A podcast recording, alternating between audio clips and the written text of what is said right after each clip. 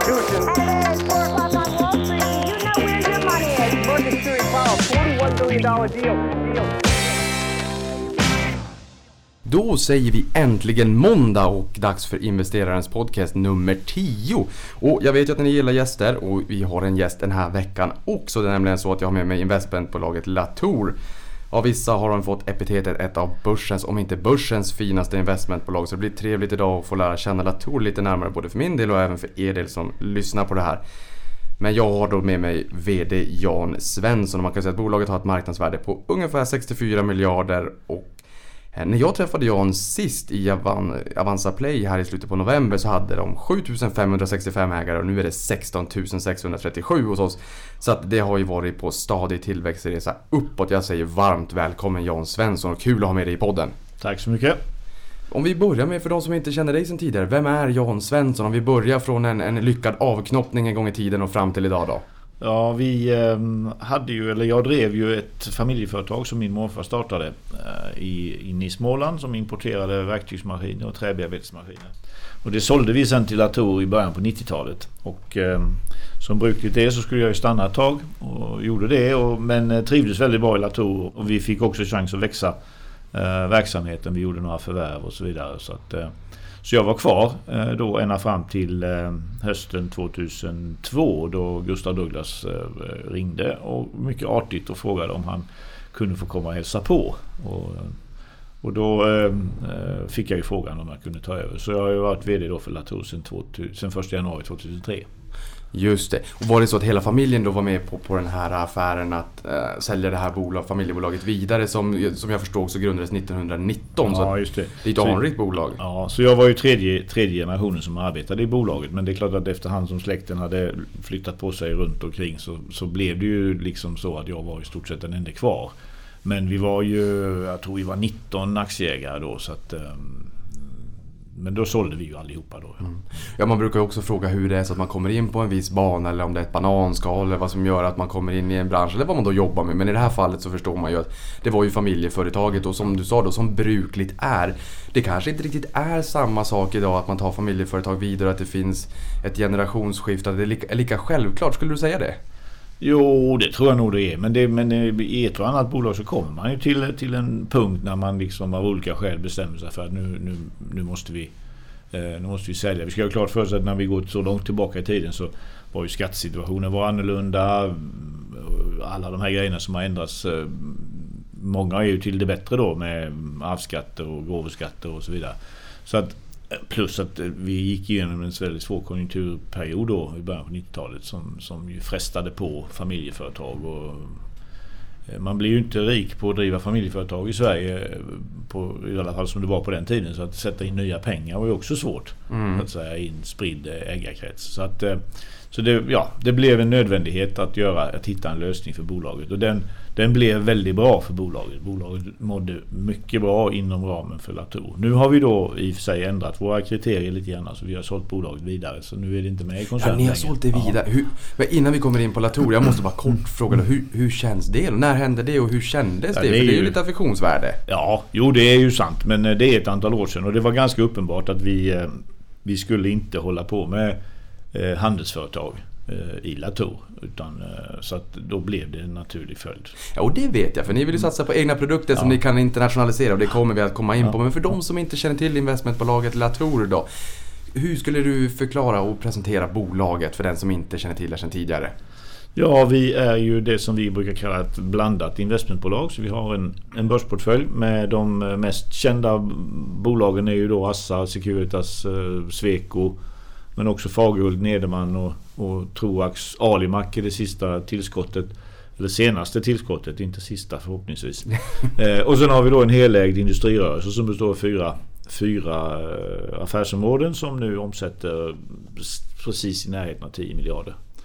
Eh, och eh, vi jobbar ju då, eh, som du sa företrädesvis, med att i den helägda rörelsen försöka utveckla bolag som har egna produkter eh, inom branscher eller industrier som har någon underliggande tillväxt därför att de drivs av någon trend i, samhället. Vi är ju rätt mycket i, eh, miljöinriktade verksamheter exempelvis som Nederman och Tomra. Ja, och det kommer vi komma in på lite mer. För jag har sett också vilka trender som ni tittar på lite extra när det är så att ni försöker leta nya bolag till, till portföljen, eller till Latour-familjen kanske man får säga. Du har ju varit in lite grann på det här med att ni drev ett familjeföretag och då i början på 90-talet så, så ringde Gustav Douglas upp och, och, och artigt frågade om, om det inte kunde bli en affär då. Och det jag imponeras av Jan, det är att du har ju varit med om hela värdekedjan egentligen. Det här familjeföretaget, företaget tredje generationen, 1919 till att känna att ja, Latour kanske blir nästa rättmätiga ägare i bolagets livscykel till att bli VD för Latour till att faktiskt sälja det här handelsbolaget vidare. Vad har du tagit med dig för erfarenheter när du har provat på hela den här värdekedjan?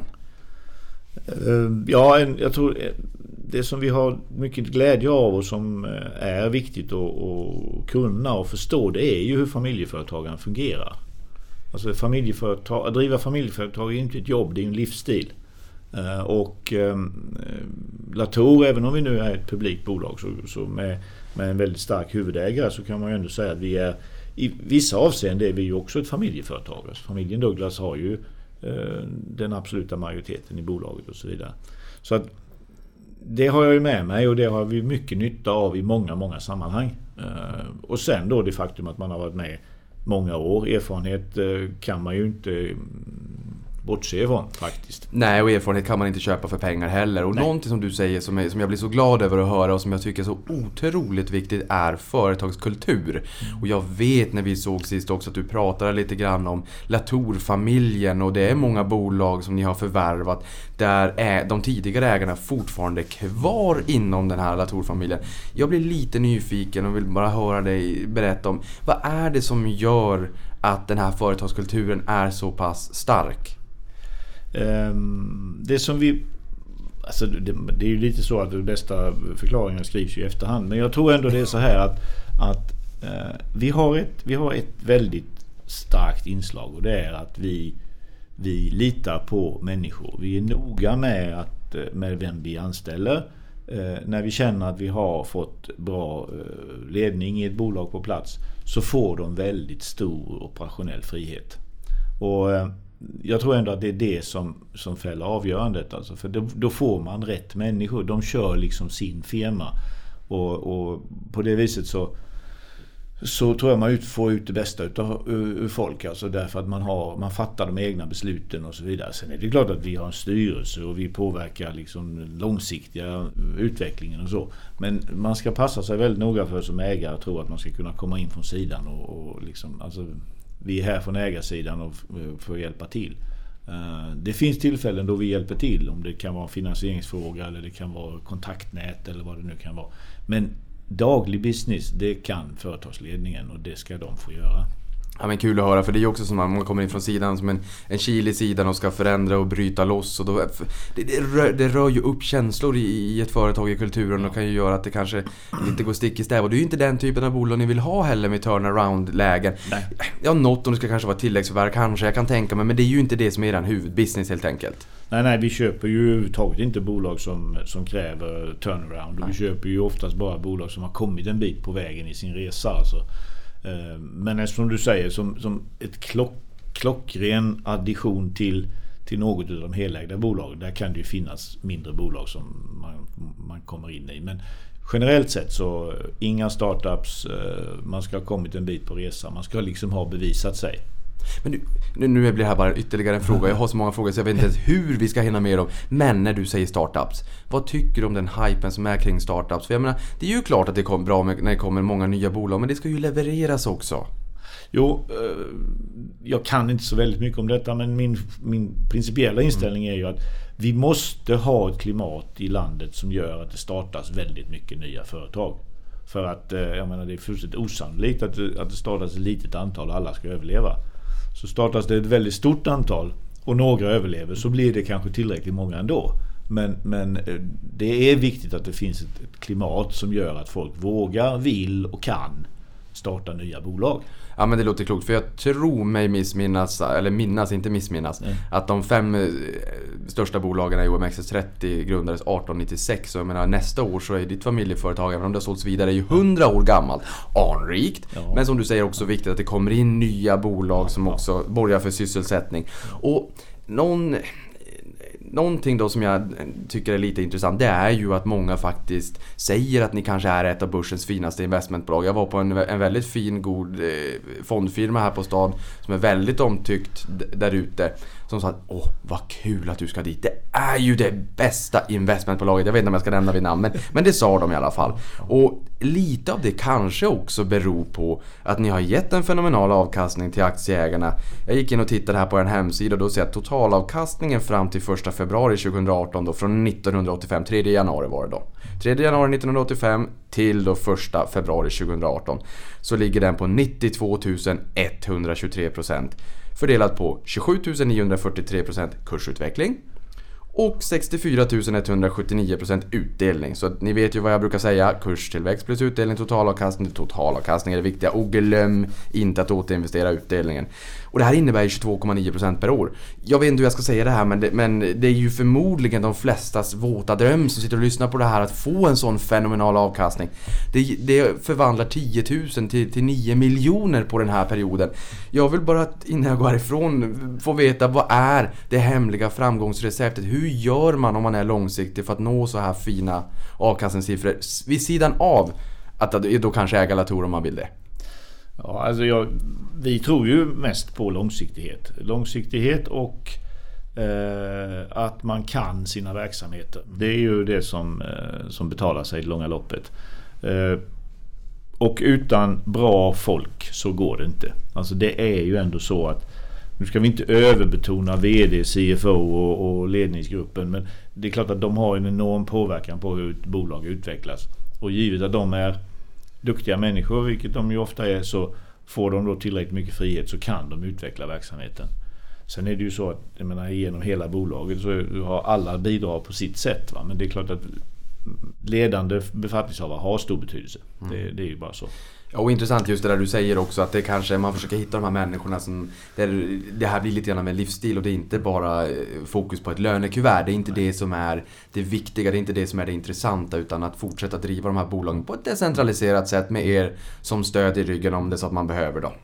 Men ni är ju långsiktiga ägare och det här är ju något som inte minst återspeglas i det faktum såg att 73% av det sammanlagda substansvärdet 2016 då, för nu har ni ju inte släppt Q4 så att jag har ju inte hela 17 framför mig. Eh, är- kommer från bolag som har varit med i er portfölj i mer än 20 år.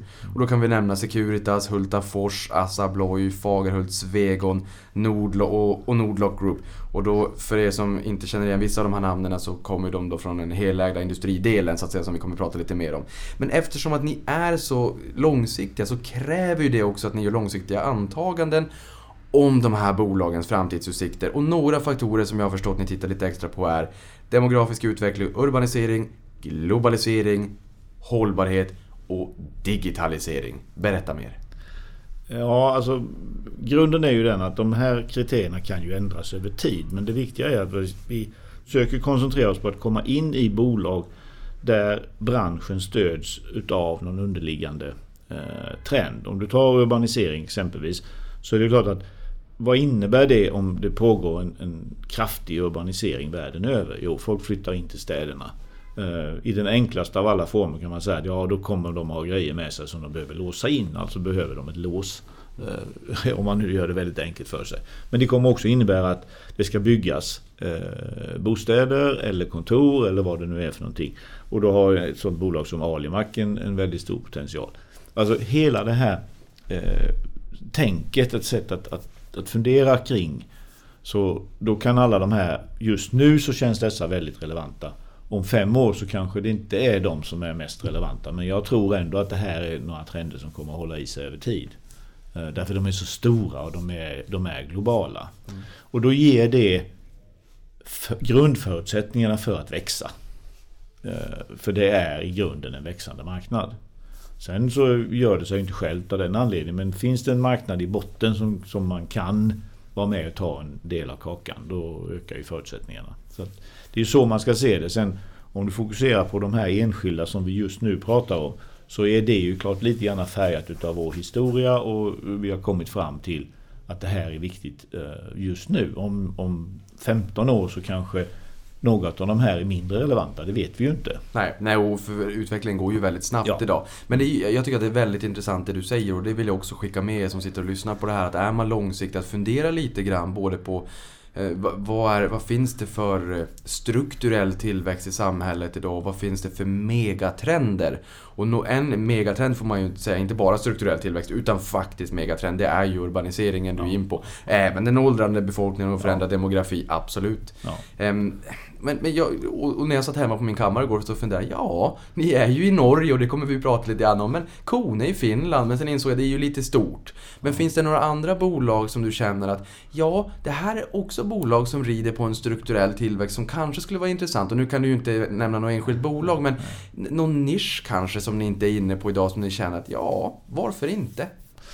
Ja, det, finns, det finns många. Jag skulle vilja säga att det bästa sättet att beskriva det är ju liksom vårt intåg i, eh, i Alimak. Där man, eh, eh, man kan säga att vi har tre, tre delar av, Alimak. Det är byggrelaterat, den, den ursprungliga hissen, eller man ska bygghissen. Två nya förvärv. Ett som, som sysslar med utrustning för att sköta underhållet på utsidan av ett, en stor byggnad.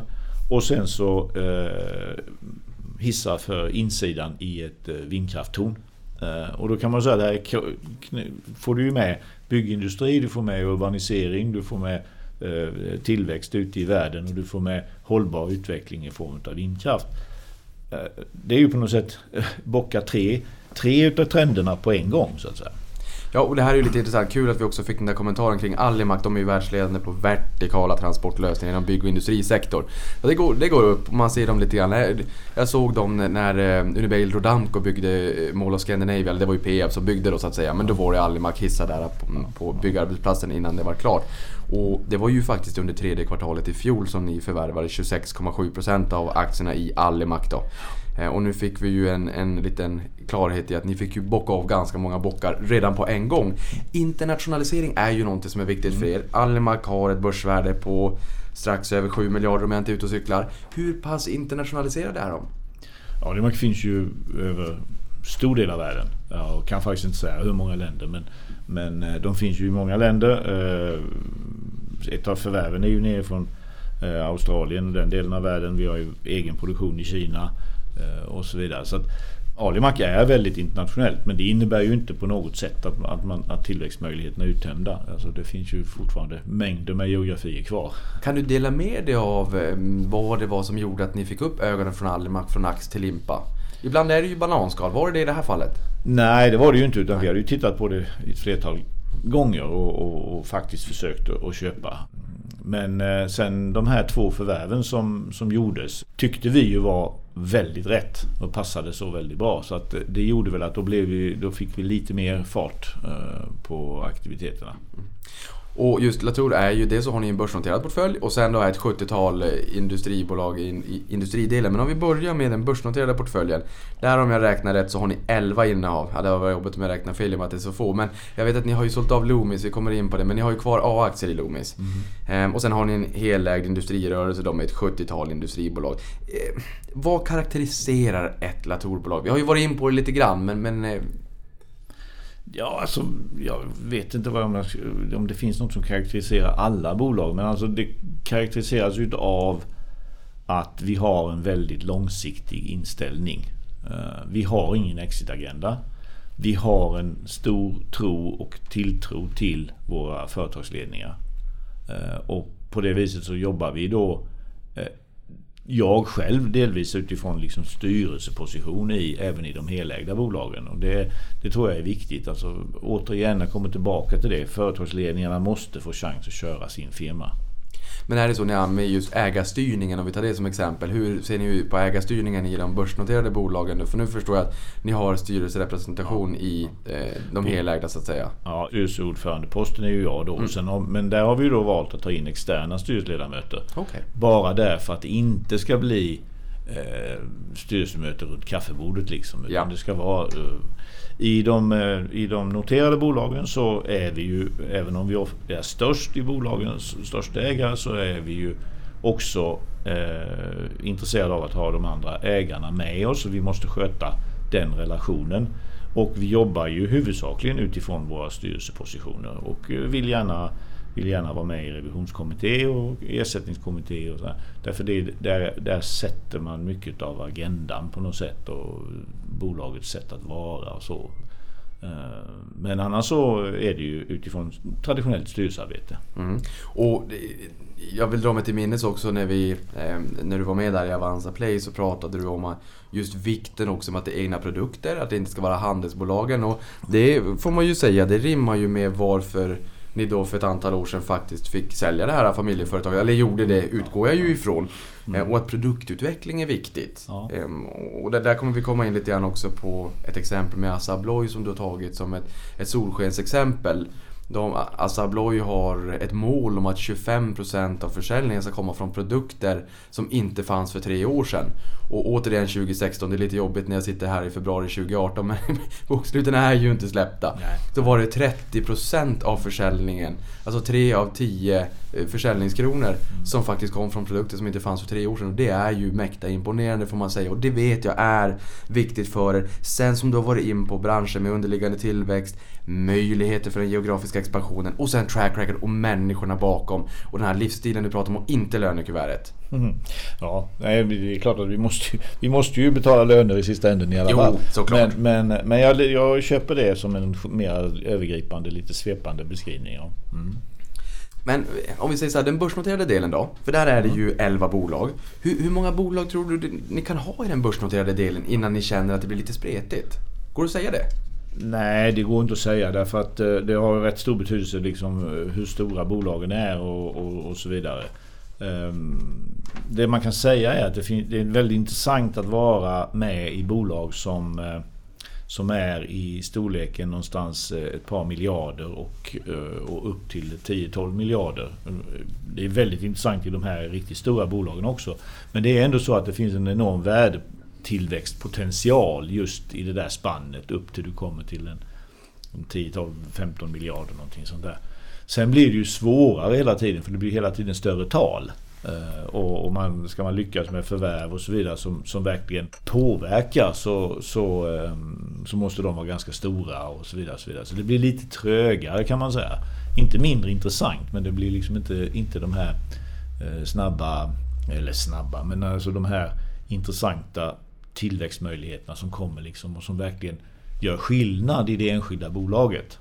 Sen, kan ju, sen blir ju liksom den förvärvsresa som vi gör i de flesta av våra bolag den ger ju, den ger ju utslag liksom på helheten och i varje bolag. Men, men eh, ta Fagerhult som ett fantastiskt exempel på som var väl kanske omsatte jag vågar inte säga, men kanske två miljarder när det...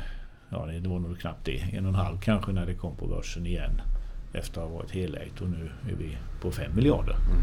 Så att jag menar det är ju en fantastiskt bra resa och värdeutvecklingen har ju varit otroligt bra.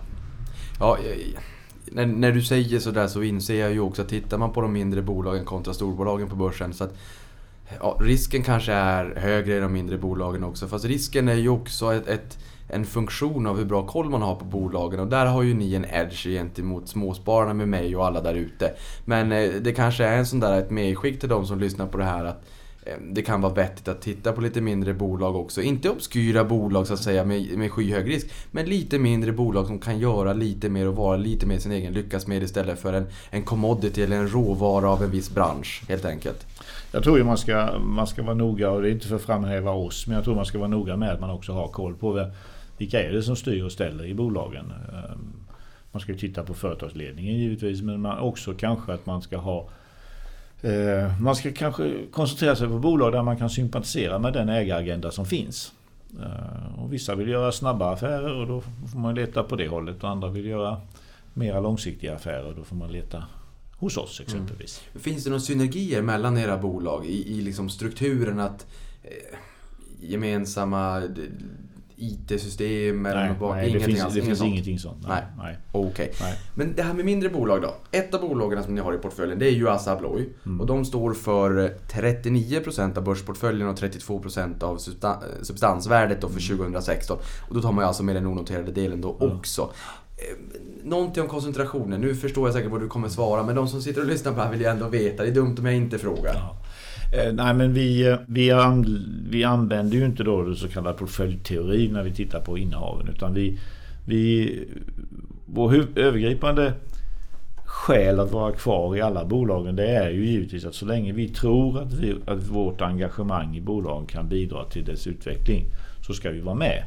Om vi hamnar i en situation där vi på något sätt hamnar i en återvändsgränd där vi liksom känner att nu kan vi inte bidra mer. Eh, då gör man ju bolaget eh, en otjänst om inte man hittar en, en bättre hamn. Nu gäller det ju inte sådär, eh, alltså Assa är ju inte någonting som man letar, letar upp en bättre hamn för ett bolag som omsätter nästan 80 miljarder. Liksom. Det är ju, men man kan ju tänka sig både i den helägda rörelsen och mindre bolag att man skulle ju kunna komma in i någonting som man känner liksom att nu kommer vi nog inte vidare.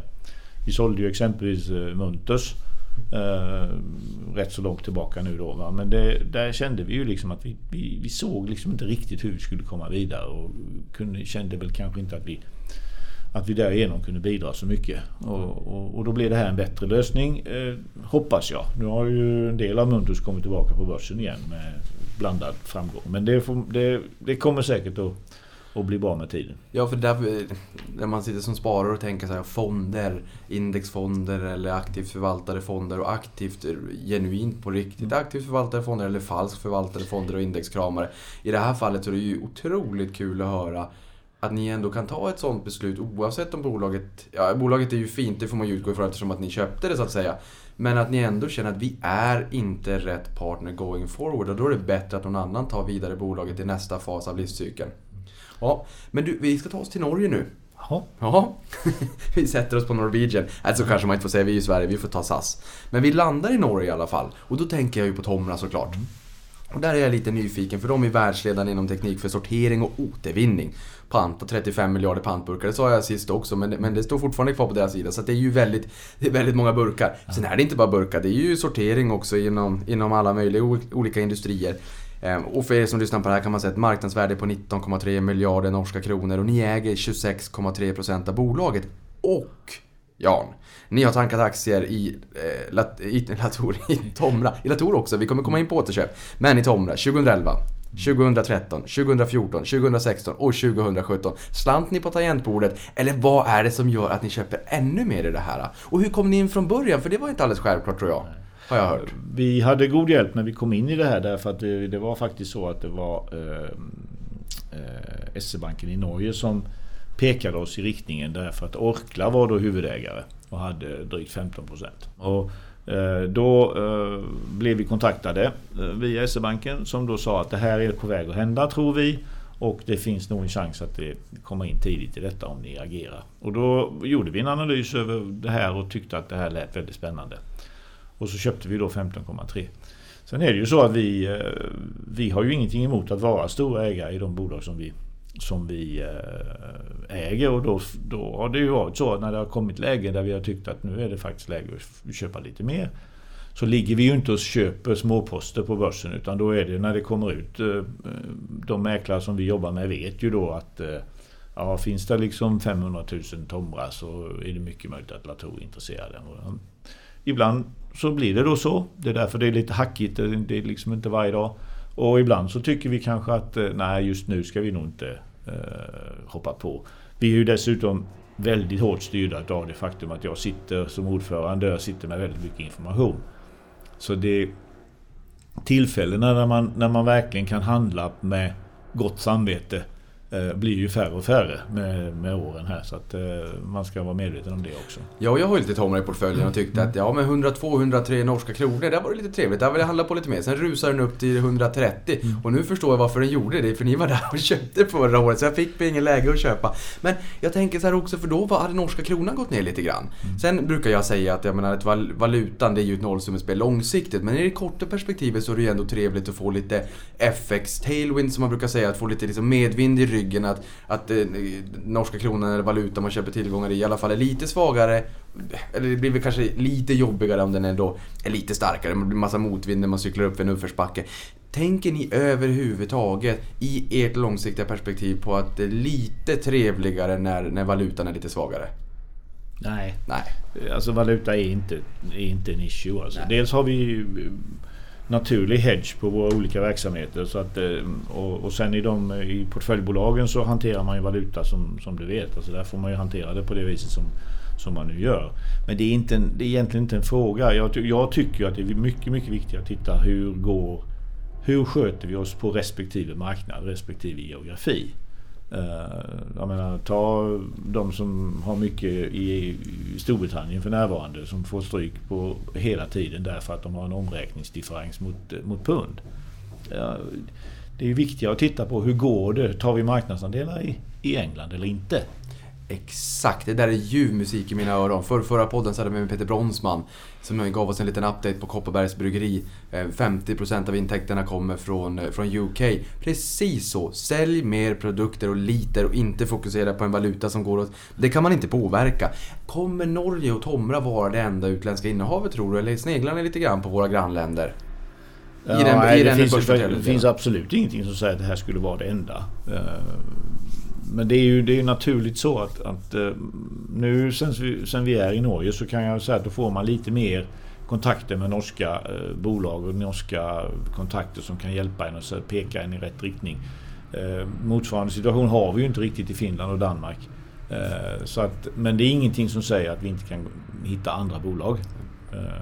Det är mer och mer osannolikt ju längre bort du kommer vill jag nog påstå. Då. Ja. Spännande. 2008 köpte ni in er i kontanthanteringsbolaget Loomis och 2016 sålde ni samtliga B-aktier. A-aktier har ni då kvar och utgör 1,6% av den börsnoterade portföljen eller delen då i Latour. Ehm, Man kan väl fundera på varför sålde ni B-aktierna men satt kvar på A-aktierna där då? För jag vet kontanthanteringen i Sverige, eh, köp ungefär 20%, Tyskland 80%. Den, den växer ju globalt. Hur tänkte ni där? Ja, vi, eh, det var ju så här vi, vi, vi ser ju det framför oss då, eller såg ju framför oss att framförallt i Sverige då en, en, en starkt minskad eh, kontantanvändning. Eh, vi, är väl, vi är väl fortfarande den uppfattningen att på många andra ställen i världen så fortsätter det att växa. Eh, så att, eh, men eh, samtidigt så, vi köpte ju inte in oss eh, 2008 utan då delades det ju ut från Securitas. Ah, Eh, fel av mig. Ja, så att, eh, men eh, hur som helst så kan man väl säga att vi, vi, vi hade en diskussion i styrelsen och vi, vi, vi kom fram till då att, eh, att det kan ju vara så att eh, det här blir eh, en jobbigare resa eh, framåt. Och så fick vi då helt plötsligt en, en, en köpare som kommer och säger vi är intresserade av att köpa alla era eh, B-aktier. Eh, och eh, priset tyckte vi då var helt okej och så vidare. Så då, då, gjorde, vi, då gjorde vi så. Eh, Loomis har ju haft en fantastiskt fin utveckling så det är klart ska man med, med, titta i backspegeln så kan man säga att ja, det var ju fel tidpunkt att, att göra det då. Vi är ju fortsatt huvudägare i kraft av våra A-aktier och, det fungerar ju på, på många, i många andra bolag och jag tror att det kan fungera för oss också. Så att vi, vi har inte tänkt att överge Loomis på något sätt. Nej. Trevligt. Om det är så att vi övergår då till den onoterade delen så har vi ju sagt här då tidigare att den består av ett 70-tal helägda industribolag i fyra affärsområden. Då Hultafors, Latour Industries, Nordlock och Svegon. Och 2016 omsatte de 8 miljarder och utgjorde 27% av substansvärdet då. Berätta mer. Ja, eh, det fortsätter ju att växa eh, mycket bra. Eh, och vi eh, utvecklar ju de här bolagen genom eh, både organisk utveckling och eh, mycket produktutveckling och en del förvärv. Vi tycker det är viktigt. Det är ett bra sätt att vara nära marknaden. Att vi har en, hel, en helägd industrirörelse. Det är också viktigt ur kassaflödessynpunkt. För här kontrollerar vi ju hela kassaflödet mot att vi annars ju är hänvisade till att få utdelning. Så att Eh, så bortsett, bortsett från att vi tycker det är väldigt fina bolag i intressanta branscher så finns det liksom inget annat skäl till varför de ska vara noterade och de ska vara onoterade så att säga. Eh, så man kan, ju, man kan ju leka med tanken att eh, när något av dem blir tillräckligt stort så, så kanske det är logiskt att man är noterad. Men för närvarande har det inte varit något behov. Vi, vi klarar att finansiera dem och, och det finns liksom inget behov av externt kapital i övrigt. Så att, Eh, då fortsätter vi. Eh, men, men, det, men man ska inte utesluta det givetvis. Ja, och utdelningen också. Jag menar, investmentbolag som ni är, måste, ni delar ju ut 100% av de utdelningar ni får från de noterade bolagen. Mm. och sen så delar ni ut var 40-60% av, Ja. av eh, industrirörelsen och 50% senast. Nej, lite mer än senare faktiskt. Mm. Men vad gör ni med de slantarna som ni behåller i bolaget? Det är ju de vi använder för att eh, fortsätta växa.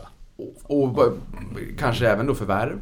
Ja, oh ja, vi gör ju, Ja. vi gör ju många förvärv. Ja. Eh, Så många att den, den lilla del av kassan som vi får behålla efter utdelning räcker inte. Så att eh, om du tittar på det så har vi ju successivt ökat vår skuldsättning. Eh, Och den är fortfarande inte på något sätt alarmerande men, men den ökar ju och den är ju, det är ju delvis en funktion utav hur mycket vi växer. Vad säger du om skuldsättning generellt? För man kan säga under perioden 2003, då blev du VD ju. Mm. Till 2016 så gjorde ni 78 förvärv och 28 avyttringar. Och så här blir man lite nyfiken när man lyssnar. Dels hur ni ser på förvärvsfronten och då förstår vi det kommer vara fortsatt going forward. Mm. Men sen skuldsättningen, för utdelningen från industrigruppen, industridelen så att säga, det räcker ju inte till. Hur, hur ser du på förvärv och hur ser du på skuldsättning? Eh, Vi har ju internt en, en egen eh, policy för hur, hur, vi ska, hur mycket skuld vi ska kunna bära. Eh, och den bygger ju då på, utan att gå in på detalj, så bygger den ju på att man kan belåna portföljen till en viss nivå och sen så kan man titta på den helägda rörelsen eh, i förhållande till, eh, alltså net debt i förhållande till ebitda. Och då har vi liksom ett, ett mål där och där är fortfarande en hel del headroom. Eh, Går vi till bankerna och de covenants så, så är det väldigt stort headroom. Så där är liksom inte, det är inte något problem. Men det är nödvändigt att göra kompletterande förvärv om man ska växa verksamheterna. Organisk tillväxt är viktigt därför att det är bra, det trillar bra ner på sista raden. Men eh, förvärvad tillväxt är ju viktig därför att du kan komma ut i nya geografier, du kan komplettera produktutbudet, du kan hitta nya kundgrupper eller nya vägar till marknaden. Och, så det, är liksom, det går nästan inte att driva ett industriföretag som vill vara någorlunda internationellt om inte man accepterar att vi måste handla lite bolag också. Nej. Och, där om jag nu inte är helt ute och cyklar så tror jag väl att det är en, en skuldsättning på 10% på den börsnoterade delen och en, det är ju några gånger, 2,5-3 gånger kanske? Två och en halv. 2,5 rörelseresultatet före av och nedskrivningar då. Ja. Ehm, För när man förvärvar bolag, någonting som man vill ha om man, om man ska äga aktier i ett bolag som förvärvar mycket, det är ju att man ska vara duktig på att integrera de här förvärven och gifta företagskulturer och sådär. Hur gör ni? Hur, hur gör ni för att lyckas med integrationen av bolagen ni köper?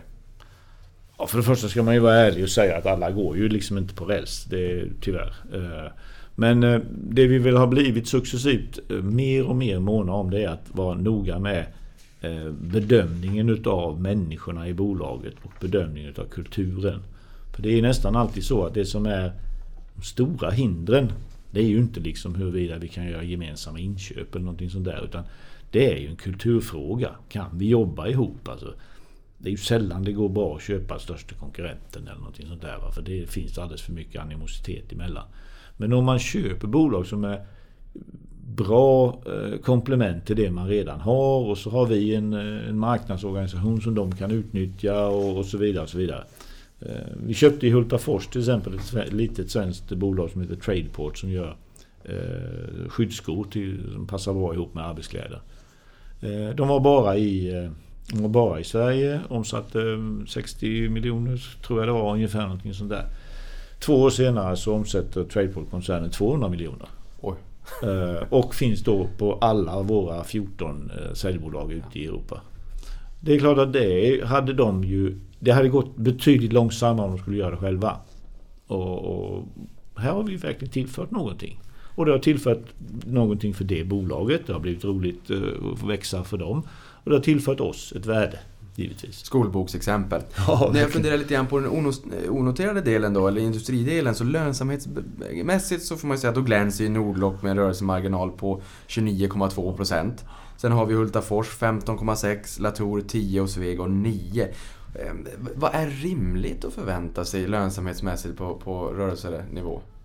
Ja, vi har ju sagt att vi ska tjäna minst 10% över en konjunkturcykel och där är vi ju nu. Vi har ju levt upp till våra mål under de sista två, tre åren här.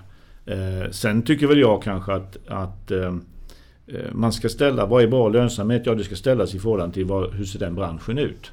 Eh, är, vi, eh, är, eh, är Nordlocks bransch en eh, 28 bransch så är vi ju duktiga som gör 30. Eh, är det en 10 procents bransch så tror jag inte vi hade gjort 30. Eh, är det en 35 procents bransch så måste vi ju skärpa till oss. Så att jag menar, det är väldigt, väldigt svårt att säga. Men eh, någon stor företagsledare i Sverige sa vid något tillfälle för inte så länge sedan att ett, ett bra, förut så sa man att ett bra industriföretag gjorde 10 Men nu är måttstocken 12.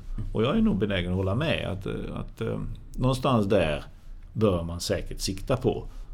Men återigen, i vissa branscher så är det inte tillräckligt bra. I andra branscher är man topp.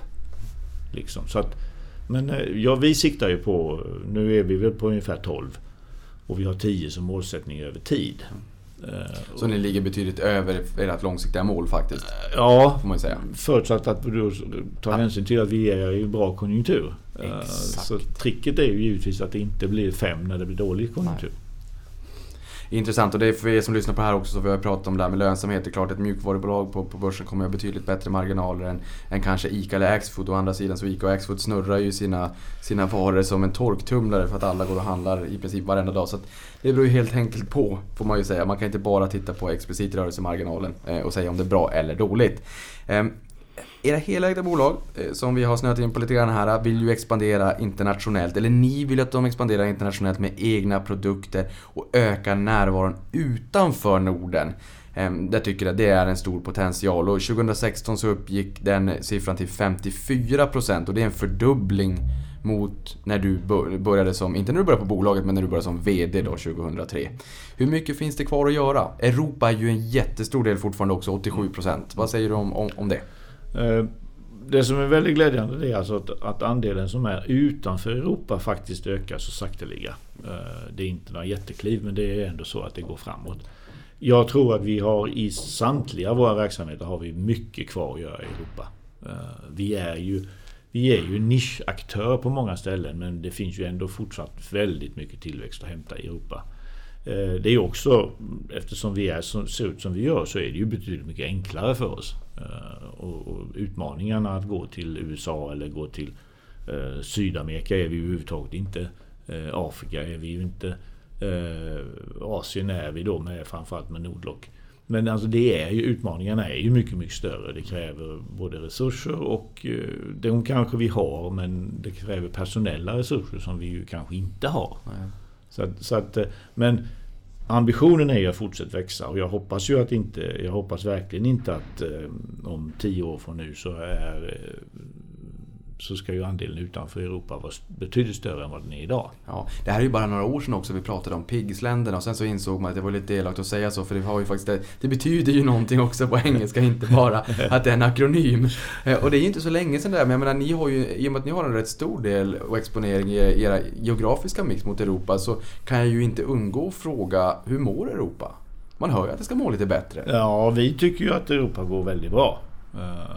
Samtliga våra verksamheter går bra i Europa. Så jag är nog eh, jag är väldigt positiv till Europa för närvarande. Mm, Och när vi träffades sist här eh, i 8 november 2016 Då var det ju fa- det var ju banne med på dagen! Det var ju på dagen det skulle vara amerikanskt val. 9 november så vaknade vi i Sverige och insåg att Donald Trump hade vunnit. Och då sa du att ja, vi påverkas inte jättemycket men vi kan nog se att Nederman kanske på marginalen har kunder som är lite avvaktande i alla fall för att de vill bara se utfallet.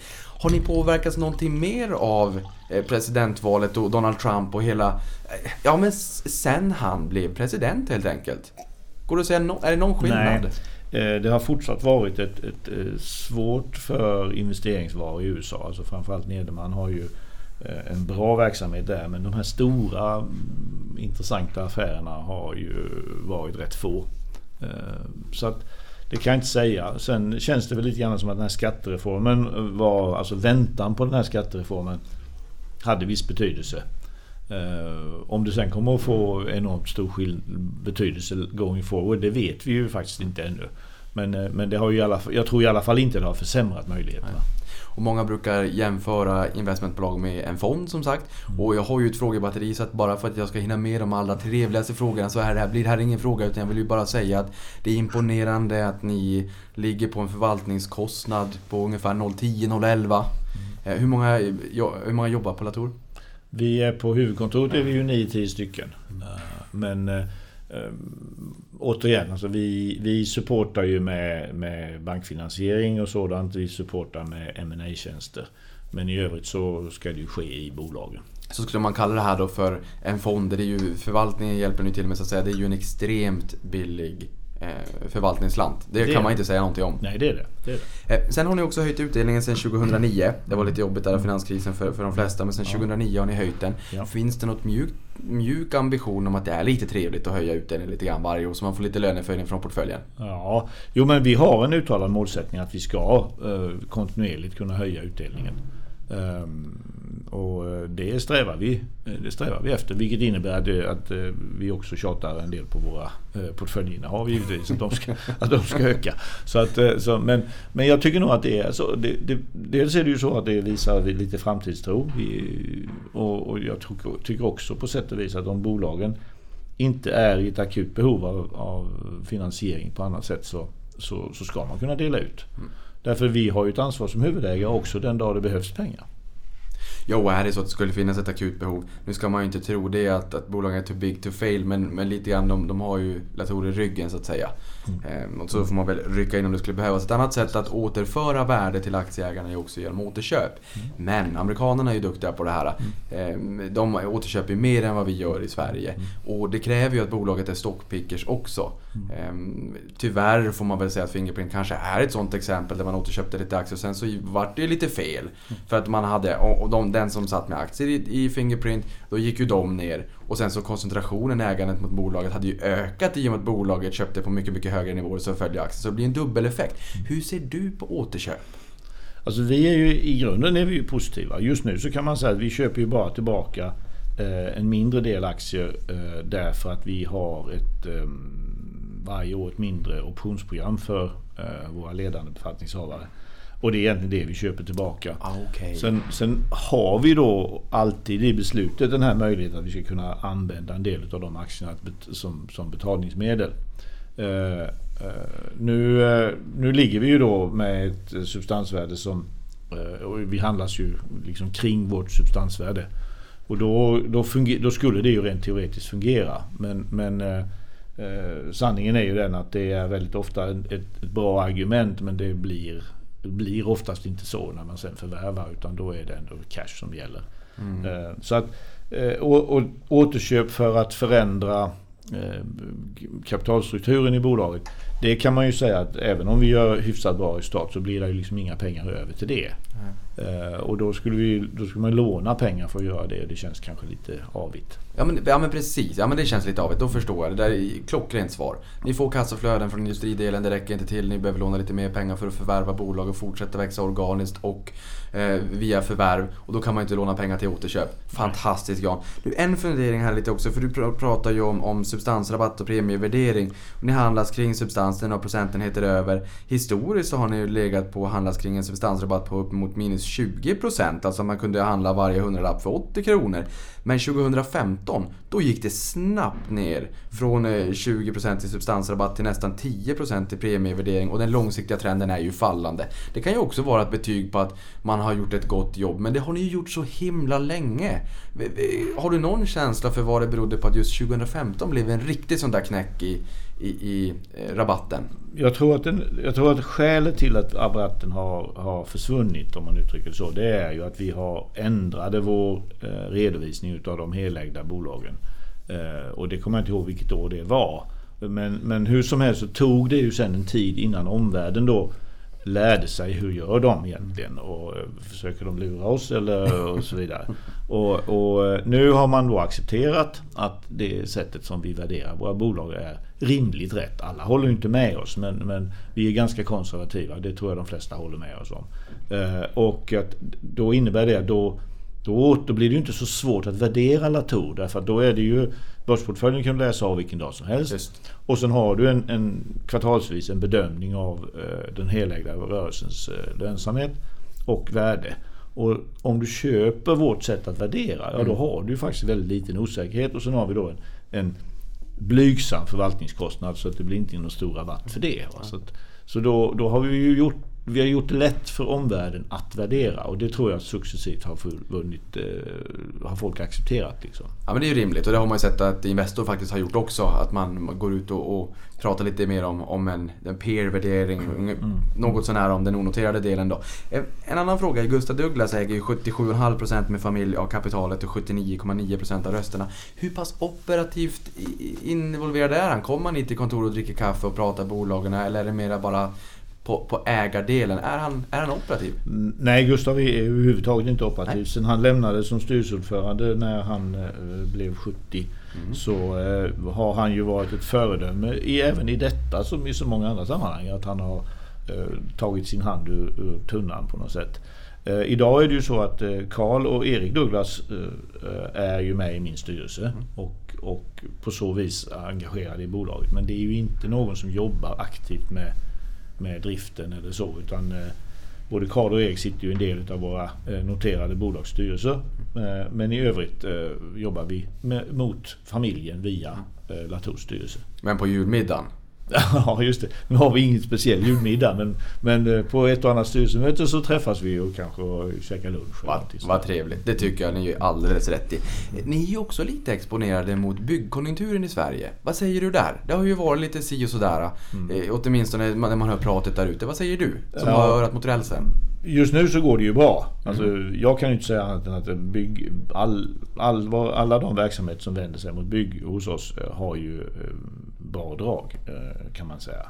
Eh, sen är det ju så att de verksamheter som vi har som vänder sig mot bygg, det, det, det går ju både från Hultafors som då är mera karaktären förbrukningsvaror till Svegon som är då mera karaktären investeringsvaror i, i byggnader. För Svegon så är ju nybyggnationsdelen oftast under 50 procent. Så därför så, eh, och eftersom den inte kommer att bli noll, så är ju vår, vår exponering begränsad trots allt. Men det är klart att ett, ett, ett riktigt stort stopp eller nedgång i byggindustrin, det kommer inte passera obemärkt. Det gör det ju inte. Nej. Nej, det har varit några, några tysta sekunder från min sida. Lite reflektionssekunder får jag kalla det. Den 26 oktober 2017 kommunicerade att du, du tänker gå i pension nästa år 2019. Precis. Och efterträds av Johan Hjertonsson då från Fagerhult 1 mm. september 2019. Så min första fråga, tack för att du har en lång framförhållning. Eh, det här är en livsstil, det är inte ett lönekuvert. Eh, har vi kommit fram till. Men vad ska du göra nu? Ja, eh, för det första så har jag ju liksom, det där har jag nästan lagt bakom mig nu. Nu ska vi ju... Nu ska vi ju, tio år ja, nu ska vi satsa på, på att köra liksom ända in i kaklet.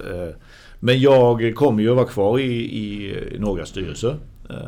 Och kommer förhoppningsvis kunna hjälpa Eh, dator eh, från utsidan då med eh, styrelseengagemang eller valberedningsfrågor eller någonting sådant.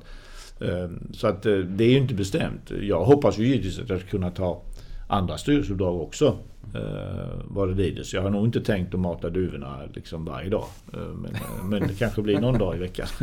Du, jag tror att det glädjer både mig och många som eh, lyssnar på den här podden. Och du har ju faktiskt också gjort ett fantastiskt jobb under den här tiden. Både du och dina kollegor och alla i koncernen och i familjen så att säga. Tack för det. Ja, med all rätt. Och man kan väl säga att när du började 2003 så Ehm, då var resultatet 338 miljoner och nu var det 3, nästan 3,7 miljarder då. Utdelningen har gått från 263, om jag skarvar lite grann, till 1,2 miljarder. Så att, med en utdelningsandel på 74 procent Så det har ju varit en fenomenal resa. Eh, och det har vi ju sagt också att det har varit även för aktieägarna en, en glad resa. Någonting som ni pratade lite grann om här, några avslutande frågor. Digitaliseringen. Det är någonting som ni tycker är viktigt och det har vi ju blivit påminda om, inte minst i retail och inte minst H&M också då i synnerhet. Mm. Att det är så viktigt. Nu är ju H&M mera mot slutkonsumenten kanske på ett annat sätt. Men hur tänker ni kring, kring er digitala närvaro? I och med att jag har förstått att det är viktigt för er. Hur vi, är, vi, är, vi, vi är inte jätteduktiga. Nej. Eh, men man måste också se att digitalisering blir lätt ett, som det, blivit ett modord. Jag tycker man ska se digitalisering som en hjälp för intern effektivitet. Eh, där finns det mycket att göra i alla bolag. Eh, på vissa ställen har vi kommit längre, på andra ställen har vi inte kommit så långt. Digitalisering för att använda i gränssnittet mot kund. Jätteviktigt. Ett av skälen till att Svegon inte redovisar bättre resultat än de gör är att vi har ett gigantiskt projekt på på att eh, förbättra vårt gränssnitt mot eh, kunden som ju väldigt ofta då är föreskrivande led och så vidare. Jätteviktigt. Digitalisering i form av att vi ska digitalisera våra produkter. Mindre på de produkter som vi, som vi faktiskt har. Men det smyger sig in lite här och var. Eh, titta på Fagerhult där, där det ju är ganska naturligt att i en armatur skulle du mycket väl kunna ha en sensor som mäter exempelvis luftkvalitet eller någonting sådant. Vilket då skulle kunna passa bra för, för Svegon exempelvis. Eh, vi har haft, eh, Snickers har haft ett utvecklingsprojekt som innebär att du har sensorer i snickarbyxan så du vet när det är dags att byta knäskydd för nu har du faktiskt lagt dig tusen gånger på det knät. Ja. Eller att nu är det så hög ljudnivå runt omkring så du bör få en varning i mobilen att du ska ha hörselskydd på dig om inte du redan har det. Eller någonting sådant. Okay. Så det finns lite grann men vi är, vi är ju inte i digitala branscher om jag uttrycker mig så. Assa då är ju någonting helt annat där, där en stor del av nyutvecklingen just är digitala produkter och produkter med digitalt innehåll på något sätt. Mm. Ja, därför jag, sist vi träffades så pratade vi lite grann om Internet of Things också, allt ska vara uppkopplat. Och även, vi sa väl även då också, för då hade Dagens Industri skrivit om just Assa Abloy att 85% av marknaden i Sydkorea var digitalis digitaliserad mm. eller digitala lås. Mm. I Sverige är det ju inte det, då är det mekaniska, sitter i 40 år. Ja, ehm, så att, ja, ja, men spännande. Mm. Eh, sen kan man väl, två sista här då innan vi bara slutar. Ni har gjort en fantastisk resa Latour, men vad tror du om framtiden? Jag är väldigt positiv. Eh, dels därför att vi är intressanta bolag eh, överlag. Jag tror också att vi har, eh, vi har skaffat oss eh, eh ett bra sätt att eh, engagera oss i bolagen. Så vi, jag tror faktiskt att vi är duktiga på att, eh, att eh, sörja för ledningskapacitet. Jag tror vi är duktiga på att vara supporters till våra bolag. Och vi behöver ju alldeles oavsett om man heter Assa eller Securitas eller vad så behöver vi fortsatt öka vår närvaro på många geografier. Eh, och där ska vi vara noga. Vi ska också vara väldigt noga med att aldrig kapa produktutveckling. Nej. Sista frågan. Har du någon spännande kuriosa kring Latour? Nej, det vet jag inte vad det skulle vara för någonting. Eh, jag tycker det är ganska roligt för många av de som nu lyssnar är ju aktieägare. Mm. Så är det ju faktiskt så att vi har eh, bolagsstämma i Göteborg och eh, vi hade faktiskt eh, förra året nästan 300 personer. Vilket är med många bolags eh, mått mätt ganska många. Ja, det, och det är väldigt trevligt. Så vi uppmanar folk att komma och hälsa på oss på bolagsstämman. Ja men vad kul. För det är en gång om året och det är ju en väldigt trevlig tillställning. Mm. Eh, och att också träffa bolaget helt enkelt och lyssna till vad ni har och anföra hur året har varit och sådär. Mm. Jan, Stort tack för att du var med i podden. Stort lycka till. Lova att du inte lägger all tid på att mata duvorna. Du vill ha kvar dig i bolagsstyrelserna. Det ska jag lova dig. Tack ska du ha. Och tack för den här resan. Tack, tack.